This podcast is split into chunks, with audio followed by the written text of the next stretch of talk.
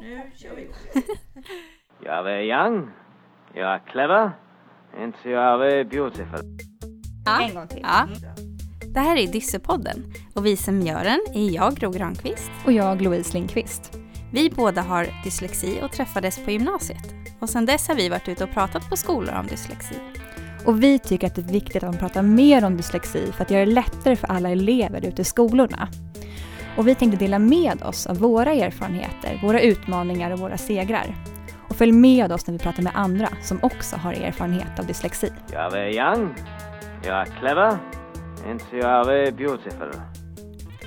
Välkomna till dagens podd! Hej allihopa! Idag ska vi ringa en tjej som går på gymnasiet som heter Rebecka Andersson och prata lite med henne om eh, hennes dyslexi, kan man väl säga. Ja, Och sen tänkte vi eh, också prata om någonting som ligger oss väldigt nära hjärtat och det här begreppet som vi kallar för acceptans. Att helt enkelt tycka att det är okej att man har dyslexi. Men det kommer lite senare. Vi börjar helt enkelt med att ringa upp Rebecka.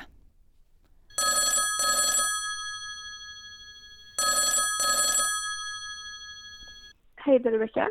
hej Rebecka! Hej!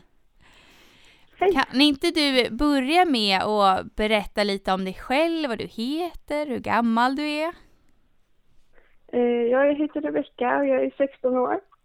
Eh, Jag går första året på gymnasiet. Vilket gymnasium går du på? Jag går på Virginska gymnasiet i Örebro. Okej. Ja. Vi tänkte börja berättelsen lite tidigare. Nu går du på gymnasiet, men när fick du din dyslexidiagnos? Eh, Jag fick min diagnos ungefär i slutet av fyran. När jag fick börja använda min första dator och så där hjälpmedlet fick jag i femman. Okej. Men när började du känna själv att eh, du hade svårt för det här med att läsa och skriva? Eh, Det känner jag nog ganska tidigt tror jag. Vad var det som du kände då? Mm. Vad var det du märkte? Ja, att jag låg efter lite grann. Att jag kändes lite yngre. Och var det någon annan vuxen i din eh, liksom, närhet, någon lärare eller förälder som också uppmärksammade någonting eller kände du att det var du som kände det först? Nej, mamma har ju jobbat med eh, andra som har dyslexi och dyskalkyli och sådär så hon märkte det väl också. Eh, men sen så det var när jag bytte skola som lärarna började märka det också. Och har du tyckt att det eh, har varit svårt att berätta för kompisar eller vad gjorde du när du kom tillbaks till klassen och hade fått reda på att du hade dyslexi? Eh, jag, jag berättade inte från början utan de fick nog mer reda på det när vi började typ sjuan, något sånt. Och vad var många berodde, som ställde. ja, vad berodde det på? Var det, alltså, var det lite läskigt att berätta eller varför, eh, ja, varför kändes det inte okej att berätta från början? Jag vet inte, alltså jag kommer inte ihåg så jättemycket men eh, eh, ja, det, det var nog lite läskigt. Det var lite konstigt på något sätt. Tror jag. Kände du, visste du någon i din klass eller så som hade dyslexi under den här perioden innan du berättade för de andra? Nej, det visste jag inte. Det är ganska spännande för det tänker jag att det är så himla vanligt att, att, det, att man går runt och känner att man är ensam om sin dyslexi att det kan göra att många drar på det. Och sen så när man själv börjar berätta så märker man att det är så många fler. Vad Ja. hände sen då när du berättade för din klass? Ja, alltså det var inte direkt så att jag ställde mig framför alla och berättade ja, hej, jag har dyslexi. Eh, Men eh, det var väl fler och fler som frågade och liksom så här, jag hade blivit mer öppen med det också. Så det var väl med att jag mognade in i att berätta och sådär. Okej, Eh, bli mer öppen i det, Ja, vad nej, menar men du jag då? fick ju... Ja, alltså, jag hade mer accepterat det tror jag. Alltså, mer att, ja men så här är det. det. Jag kommer liksom inte komma undan det riktigt. Alltså, jag Nej. måste berätta för att få liksom hjälp och sådär, det jag behöver. Så jag fick ju mycket hjälp från mina klasskompisar. Så här, mycket, så- alltså, när vi skulle läsa någonting så kunde vi gå utanför klassrummet, jag och en kompis. Och så kunde min kompis läsa för mig. Det är jättebra. Jag tycker verkligen att du säger något spännande där när du säger att du hade ac- accepterat det. Eh, Det är någonting som vi pratar väldigt mycket om där med acceptans. Vad innebar det för dig att acceptera? Eh, jag, alltså jag tror att det är lite grann att lära känna det och liksom lära känna sig själv i det också. Eh, ja. Ja, ja, men att... Ja. ja men det är jättespännande. Och du säger att dina klasskompisar också var med och hjälpte dig mycket. Vad betyder det för dig? Det betyder jättemycket. Det, eh, man får ju, alltså om man ska läsa en text, alla ska ju ändå läsa det. Då gjorde det väl ingenting att vi två stycken gick utanför klassrummet och läste tillsammans istället. Eller ändrat uppsyn liksom. Och nu när du Alla går, skulle liksom. ja, och nu när du går på gymnasiet, är det några fler i din klass som har dyslexi där eller har du någon kompis som läser högt även på gymnasiet? Eh, ja, alltså jag vet en till som har. Eh, men sen så vet jag inte mer det, om det är någon mer som har dyslexi. Men, eh, men sen så är det väl eh, vissa gånger det är grupparbete och sådär och så ska vi läsa igenom någon text och sådär. Så då brukar vi antingen läsa det högt och om ingen vill läsa högt i gruppen liksom så säger jag att ja men då kan vi väl ta en inläsningstjänst och så spelar jag upp det på min mobil så alla får höra. Och då är det liksom någon annan som läser. Så Vilket bra tips! Det låter ju jättesmidigt Rebecka.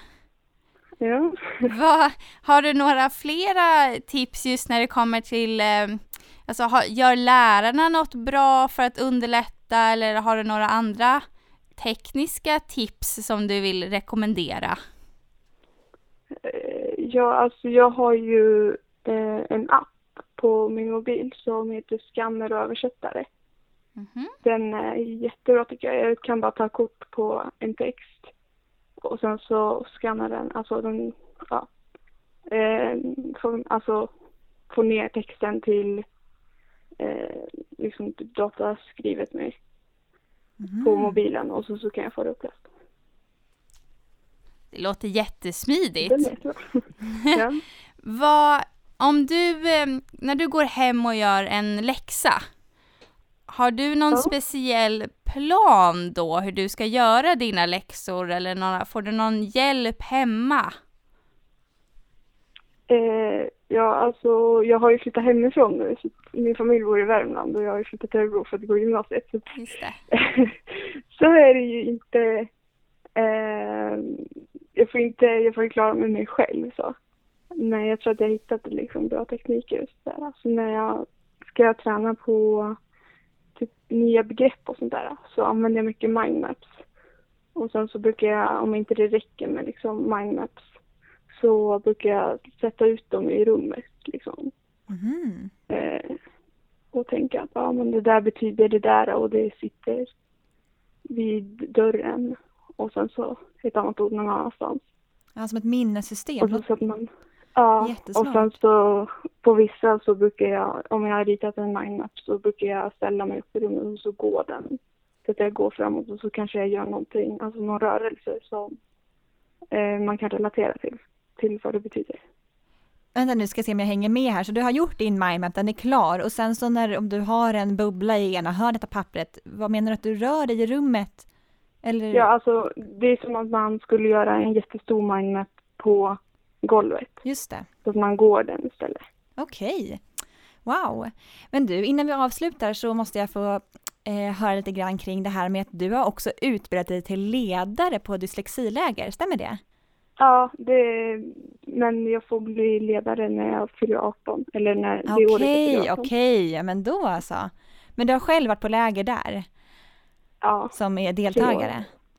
ja det, det finns ju, FDB har ju ett läger som jag gick första året och då växte jag otroligt mycket som person. Så det tycker jag man ska gå på. Wow, kul att höra. Men okej, så när du blir 18 får du vara lägerledare.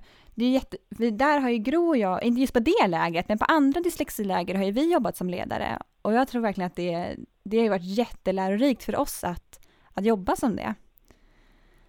Ja, Vad, vad tycker du har varit det bästa med, nu har ju du varit deltagare, och, men vad är det som gör att du vill vara ledare på lägren? eh, eh, jag, är ju väldigt intresserad av ledarutbildning och sådär. Det är någon anledning varför jag går barn och fritid också. Mhm. Eh, och så att jag tycker om att prata om människor och sådär. Så det är väl jag vill dela med mig av mina kunskaper och sådär också. Och lära mig nya grejer. Det låter som att vi tänker ganska lika. Men vad, vad tycker du har varit det bästa med att gå på lägret själv? Eh, jag tycker man, varje gång man är på ett läger så träffar man massor med nya kompisar. Och så, så växer man otroligt mycket som person. Eller i alla fall jag har gjort det på Brevik där jag har varit på läger. Vilken jättefin avslutning. Nu blir man lite sugen på att åka på läger. Vi ska låta dig, vi vet att du är i skidbacken, eller hur, och ska ut och åka. Så vi ska låta dig Ja, få ja. göra det. Tack så jättemycket Rebecka för att du var med i vår podd. Tack Ja, så mycket Rebecka och kör hårt! Ja, hej då! Hej Hej! Vad kul det var att höra Rebeckas tips om att gå sin mindmap och det var jättespännande. kreativt. Wow, ja. Mm. Men sen var det ju kul att hon nämnde det här med acceptans själv och gick in på det. Att, eh, Mm. ja, det var lite läskigt att berätta för kompisar i början men sen så växte hon in i det.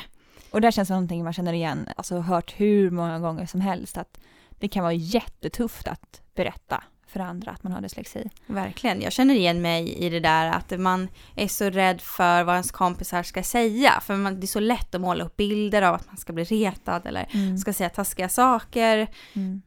Däremot så tycker jag att när jag väl har berättat så har jag mötts av någonting helt annat. Alltså en Mm. förståelse, men det läskiga är att ta steget.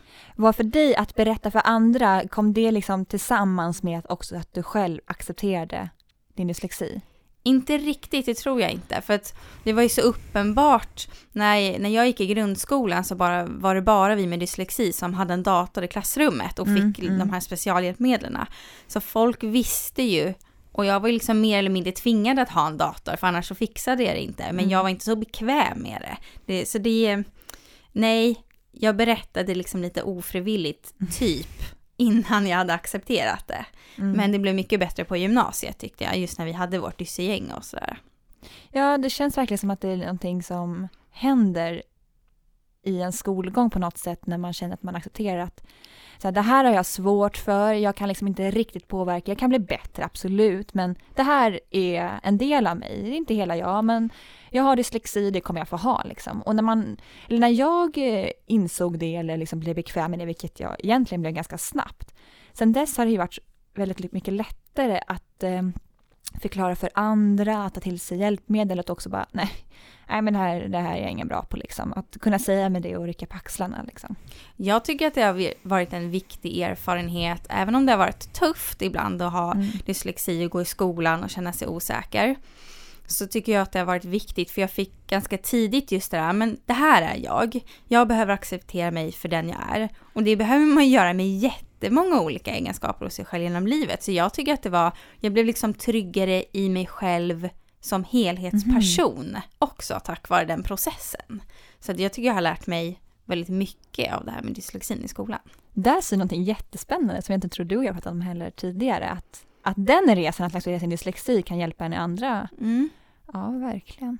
Jag eh, tittade på Grammisgalan eh, som gick här för några dagar sedan Mm. och det var ju Petter som var Just det, programledare. jag såg det. Ja. Eh, och han har ju dyslexi Mm. och han gjorde så snyggt intro när han kom och skulle säga välkomna till alla. Så höll ju han i sådana här manuskort Nej. som han ska läsa upp och så Ja. sa han så här, ja det är ju inte så schysst att ge manuskort till en dyslektiker så de struntar vi så bara kastar han Nej, iväg fy dem. fasen. Och förlåt, nu svor jag. Men ja, gud vad schysst. Ja. Och då tänker jag också så här, men han, är ju, han var bara sig själv liksom. Det kändes verkligen som att det var Petter som stod och han berättade Mm. en massa historier. Att jag tycker att det har varit positivt också och med förebilder, att man ser att det är klart jag ska vara mig själv. Mm. Alltså det är ju utmanande att gå igenom livet och vara sig själv som det är. Ja. Men dessutom med dyslexi. Mm. Så när man har accepterat det tror jag att man tar ett så viktigt steg. Att det betyder så mycket för en själv och framförallt för den hjälpen man kan be Mm. om och känna att skolan ska ju som sagt vara roligt. Det är ju, det är ju ditt och mitt mål Mm. att det ska vara kul att gå i skolan och jag är helt övertygad om att det blir roligare när man har accepterat det.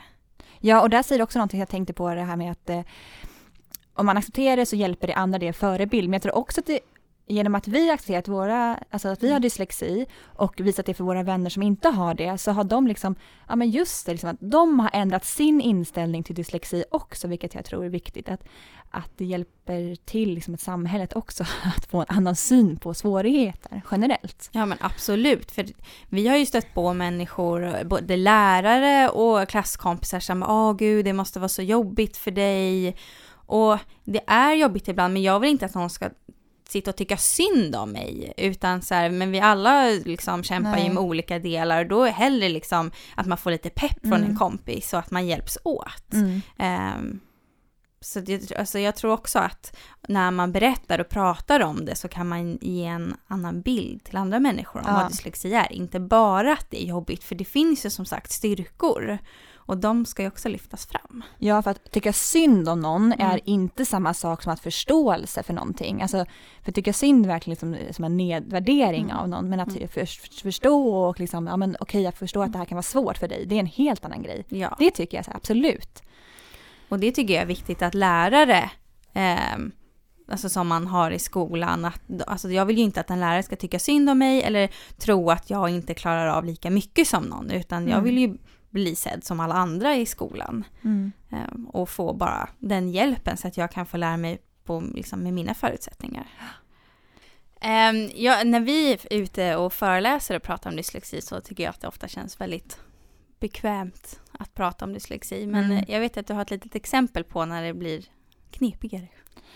Ja, det är väl alltid så, så man kan stå där och, och, och prata och känna sig helt trygg och bara så här, det här går ju, alltså det går bra och jag är trygg i min dyslexi, jag kan snacka för typ ja, men 50 Mm. personer som sitter där eller vad det nu än är.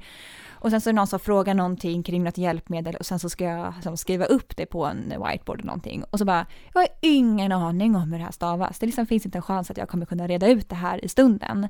Eh, och då blir det så tydligt att nu har jag kommit till en, punkt där jag, liksom, ja, men jag skrattar bara åt och ber någon i publiken stava det åt mig. Eh, men, men det tar ett tag innan man är där. Liksom. Absolut. Och det är roligt att ha en publik där hälften är dyslektiker. Ja, det är fantastiskt. Ingen kan hjälpa en. Men Ja. det finns väldigt många moments där både du och jag har skrattat och vi har läst fel på löpsedlar. Och vi har ju väldigt roligt åt vår dyslexi och Också. det tror jag Mm. är det bästa med att acceptera att det känner så här. Men nu kan vi bara Det skratta spelar åt ingen det. roll. Nej. Nej. Fint. Tack för idag, Gro. Tack så jättemycket. Vi Hej då. hörs och ses nästa gång. Hej. You are Hej. young, you are clever, and you are very beautiful. Vi som står bakom Dyssepodden är Föräldraföreningen för dyslektiska barn, FDB. FDB hjälper och stöttar föräldrar som har barn med dyslexi. Mer information hittar du på fdb.nu. Dyssepodden produceras av Trapets Media.